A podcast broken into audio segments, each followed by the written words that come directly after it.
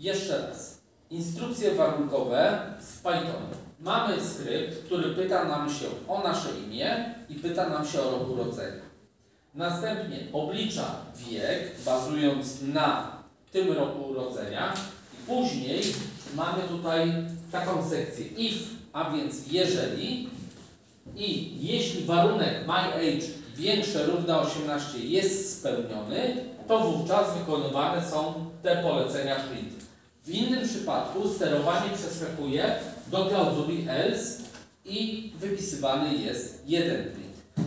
A później, niezależnie od tego, czy zostanie wykonane to, co jest w klauzuli if, czy to, co jest w klauzuli else, to jest wykonywany print koniec i wtedy skrypt kończy działanie. I teraz zademonstruję, jak to działa. Mianowicie, uruchomimy sobie to. On nam się pyta o imię.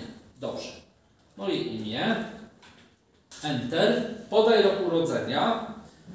Trudno, cały świat zobaczy. Tak?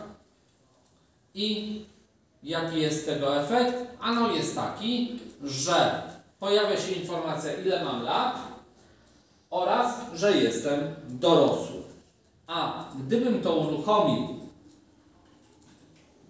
i podał, o, damy sobie tutaj 2018, to wówczas jest już inna informacja, brakuje Ci kropka, kropka, kropka lat, ale słowo koniec nadal jest wypisywane, ponieważ niezależnie od tego, która z klauzul jest wykonana, ten ostatni element też jest wykonywany.